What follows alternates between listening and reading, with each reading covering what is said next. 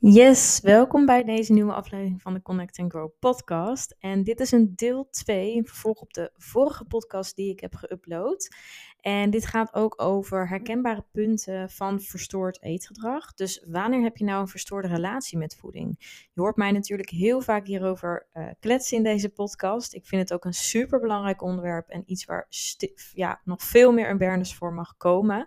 En waarom vooral? Omdat heel veel vrouwen dus zich niet bewust zijn van het feit dat ze hier uh, mee worstelen. Dus ja, bewust of onbewust. Ik hoop in ieder geval dat deze podcast en dus ook deel 1, ga die zeker ook eerst even luisteren, voor jou herkenbaarheid gaat geven, maar vooral dus het inzicht gaat geven dat je actiestappen mag nemen om te veranderen. Want heel vaak denken we van het is nog niet zo ernstig genoeg. Um, ik heb nog geen probleem, dus ik probeer het nog wel eventjes zelf. Hele herkenbare ook voor mij zelf een aantal jaar geleden. Toen ik hier ook in vast zat. Um, maar waar wacht je op? Dus waarom laat je jezelf eerst ja, in de put zitten. Hè, dat het, je wacht totdat het erg genoeg is om hulp te vragen. Terwijl eigenlijk juist in dat voorstadium je het veel eerder kan aanpakken. En je dus ook weer veel eerder lekkerder in je vel gaat zitten. En vooral dus veel meer rust in je hoofd gaat ervaren. Wat leidt tot meer gezondheid en vaak ook dus een fijner stabiel gewicht. Wat dus niet als volhouden voelt. Dus wat je met een leefstijl kan houden. Waarbij je dus niet constant bezig bent met je gewicht en heel erg... Um, nou ja, gefocust ben op altijd alles 100% perfect willen doen. Wat dus gelijk uh, bij dit verstoorde eetgedrag ook hoort. Um, ik ga dus eigenlijk, ja, laten we het zo zeggen, red flags bespreken. Dus um, ja, wanneer mag je hier nou mee aan de slag gaan? En ja, ik kreeg zoveel positieve reacties op de vorige podcast. Dat ik dus ook, nou ja, aan de hand hiervan heb besloten een deel 2 te maken. Um, en jullie dus eigenlijk nog meer concrete voorbeelden wilden. Nou, en ik um, ben de moeilijkste niet om dat natuurlijk ook te creëren. Zeker omdat ik dus ook nou ja, het super fijn vond om die feedback te ontvangen. Maar daar is dus ook ja, veel vraag naar. Um, dus ja, ik denk hoe praktischer we het kunnen maken. Of hoe meer herkenbare situaties we kunnen kweken eigenlijk.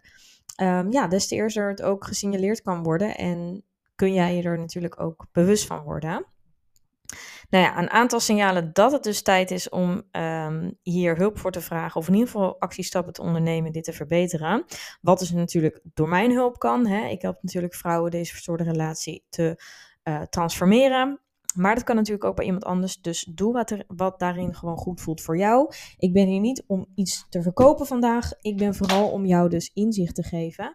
En nou ja, uh, mocht het goed voelen en denk je wel, hey Yvonne, uh, dat wil ik wel bij jou doen, dan staat mijn DM of e-mail natuurlijk altijd open. Kun je naar de informatie vragen of we één op één aan de slag gaan of via mijn online programma. Maar laten we snel doorgaan naar de voorbeelden. Want eentje die ik zelf ook, uh, ja, waar ik eigenlijk zwaar guilty aan was, is het wegen van bijvoorbeeld groenten. Nu denk je misschien, huh?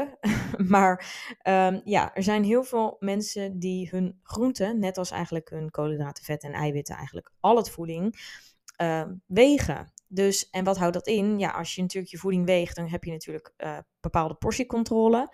En dat doen vooral mensen die het dus ook invoeren in een bepaalde voedingsapp. Maar als jij je groenten aan het wegen bent, dan is er toch wel echt een red flag zichtbaar. En um, ja, dan mag je toch echt je eigen um, relatie met voeding aankijken, omdat dit dus absoluut onnodig is en zeker verstoord ongezond eetgedrag is. Wanneer je um, nou, bewijzen van bang bent om twee spersiebonen te veel te eten, dan gaat er gewoon iets niet goed. En vooral als je dus vooral ja, de controle die daaronder zit, dus nodig hebt om je goed te voelen of om geen stress te ervaren. Daar gaat het natuurlijk voornamelijk om. Dus hè, in het algemeen, bij ieder voedingsmiddel is dat dus al uh, iets om naar te kijken. Dus misschien dat dat beter puntje 1 kunnen zijn kun je de controle loslaten van je voeding. Uh, die heb ik volgens mij ook in de vorige podcast benoemd. Um, dus hè, wijk je af uh, van je macro's, dan is dat al. Um, en kun je dat niet of krijg je daar stress van, dan is dat al een, signaal. Een signaal. Maar um, ja, voer je alles in in je app en kun je dat dus, ja, kun je eigenlijk niet meer zonder, heb je die controle nodig, dan is dat eigenlijk al uh, één puntje. Maar uh, het daaropvolgende puntje is helemaal van toepassing wanneer je dus daar zeker ook gebruik van maakt bij groenten. Dus heb je je weegschaal echt nodig? Ervaar je stress als dat niet mogelijk is. Hè, dus dat uh, wijst natuurlijk ook weer uit dat je moeite hebt om uit eten te gaan buiten de deur of bij iemand anders, want hè, controleverlies. Um, maar dit is zeker een heel praktisch voorbeeld. Het wegen van je groenten is absolute uh, red flag als je het mij vraagt. Nou, daarnaast daar hebben we het natuurlijk ook over bijvoorbeeld iedere nootje invoeren, ieder hapje chocola wat je neemt, ieder snoepje wat je um, ja, tot je neemt. Letterlijk, al zijn het gezonde producten en je moet ze invoeren, dan is dat gewoon een heel groot signaal. Um, ook als we het bijvoorbeeld hebben over uh, ja, je koffiemelk. Hè? Dit is ook zo eentje. Ga je een scheutje melk invoeren in je voedingsapp, dan is dat ook wel een duidelijk signaal van verstoord eetgedrag. Uh, zeker als je daarbij dus ook nog eens heel erg gefixeerd bent op wat voor melk je natuurlijk gebruikt, word je er ook panisch van als ze bijvoorbeeld volle melk gebruiken, wat ze in de meeste standaard restaurants bijvoorbeeld doen. Uh, kies je daardoor voor een zwarte koffie terwijl je het eigenlijk helemaal niet lekker vindt, ja, dan is dat zeker verstoord eetgedrag en mag je jezelf eens aankijken. Um, nog eentje die ik zelf bijvoorbeeld ook heel erg deed, was bijvoorbeeld um, ja, gebruik van olie of boter in de pan. Nou, boter in de pan was voor mij in het verleden helemaal een no-go. Dus als je daar ook stress van krijgt, net als ik dat kreeg, um, is dat ook iets wat, uh, waar je zeker niet druk om hoeft te maken. Of in ieder geval waar je nu je energie aan verspilt, wat absoluut niet nodig is. Maar wat ik dus deed, was het gebruik van olie. En ja, als ik dat dan deed, dan gebruikte ik olie, maar depte ik daarna met een uh, keukenpapiertje de olie eigenlijk af uit de pan, zodat er minimale hoeveelheid ja, olie gebruikt werd. Dus echt dat ja, olie afdeppen. Um, ook wel sommige mensen, dat heb ik ook gedaan, gebruik maken van zo'n spray, wat super handig kan zijn. En het hoeft niet per se verkeerd te zijn. Dus laten we het wel even hebben over, herken jij jezelf hierin of niet? Je weet zelf donders goed of dat uh, voortkomt uit verstoord eetgedrag, ja of nee. Um, maar ja, dus dat deppen van dat olie, zo min mogelijk gebruik van olie, maar ook dus eventueel het gebruik van een spray en ja, panisch worden op het moment dat dat dus niet uh, voor de hand is, ja, dan zijn dat ook zeker wel uh, signalen van verstoord eetgedrag. Zelf deed ik bijvoorbeeld ook, uh, ja, dan bakte ik bijvoorbeeld een zalm, verse zalmmoot in de pan. Nou, komt natuurlijk best wel wat olie daarin vrij, of eigenlijk vetten, wat het is. Um, ik ging die zalm, nadat die uit de pan kwam, ging ik helemaal af zitten deppen. Letterlijk, ik duwde gewoon bijna die zalm plat. Dus het zag er niet meer uit. Super zonde van de mooie, dure zalmmoot die ik had gemaakt. Maar alles om maar zo min mogelijk vetten in die zalm te krijgen. Want ja, hè, zalm is hoger dan vet. Terwijl deze vetten in zalm zijn gewoon super gezond. En heb je als vrouw met name ontzettend nodig voor je hormonen.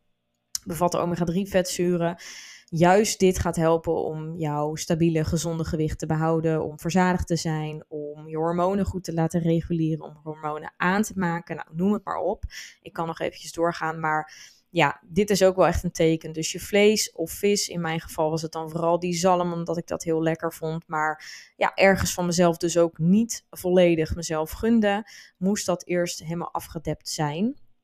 Ja, en dat is uh, ook uh, wel degelijk verstoord eetgedrag. En dan mag je zelf ook echt wel uh, eventjes um, ja, wakker schudden.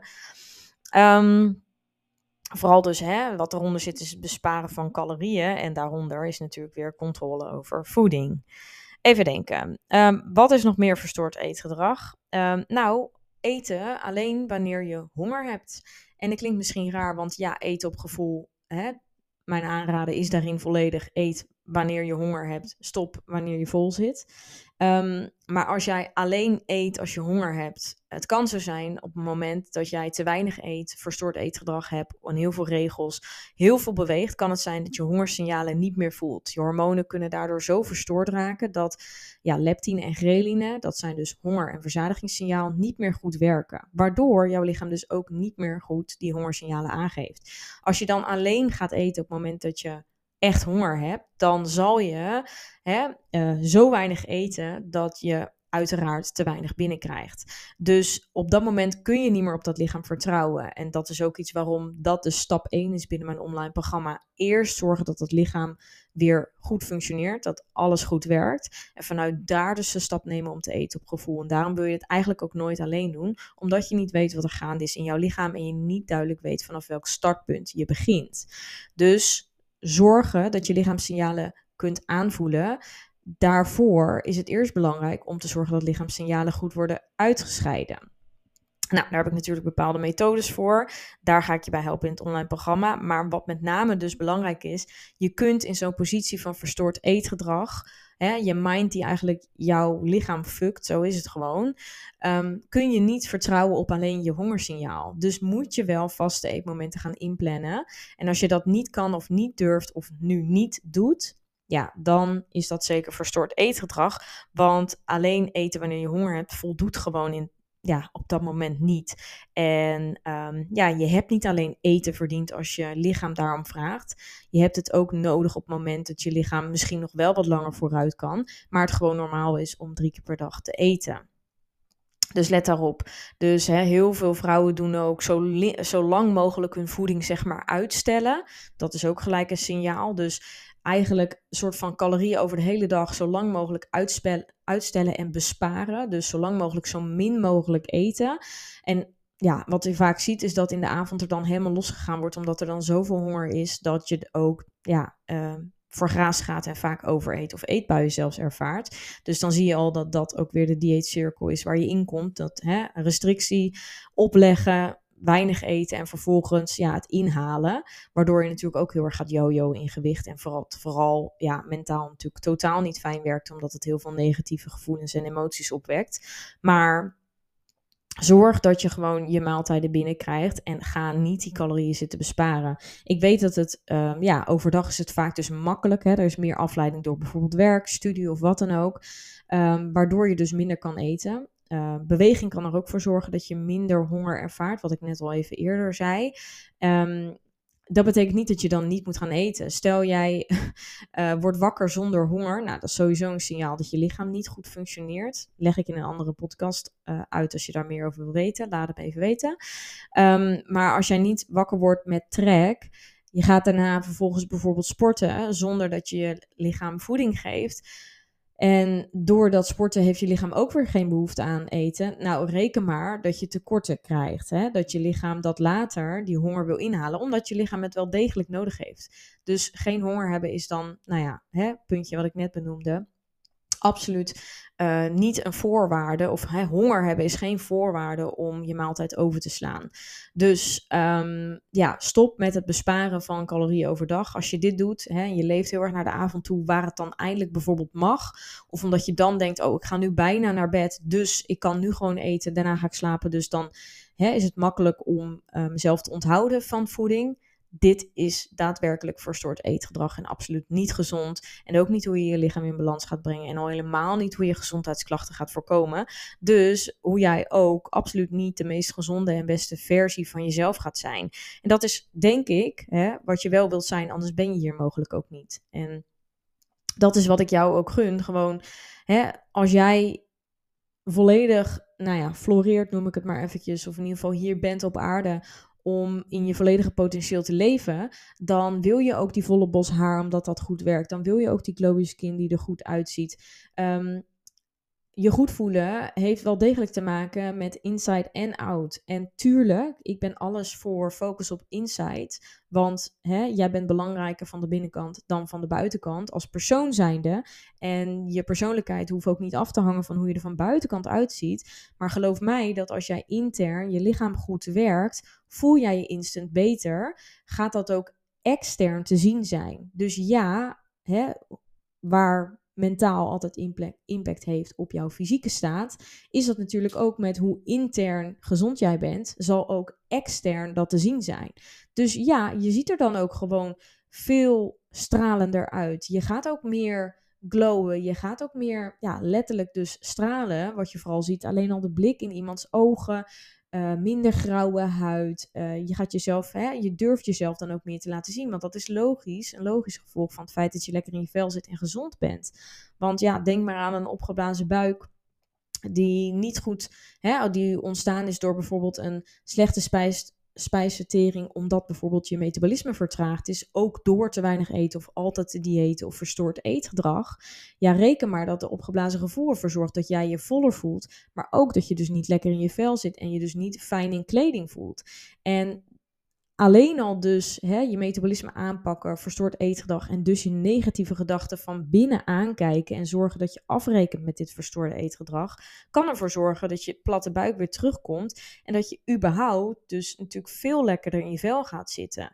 En zo is dat natuurlijk een positieve rollercoaster, waardoor je in een ja, positieve cirkel natuurlijk terechtkomt in plaats van juist die neerwaartse spiraal.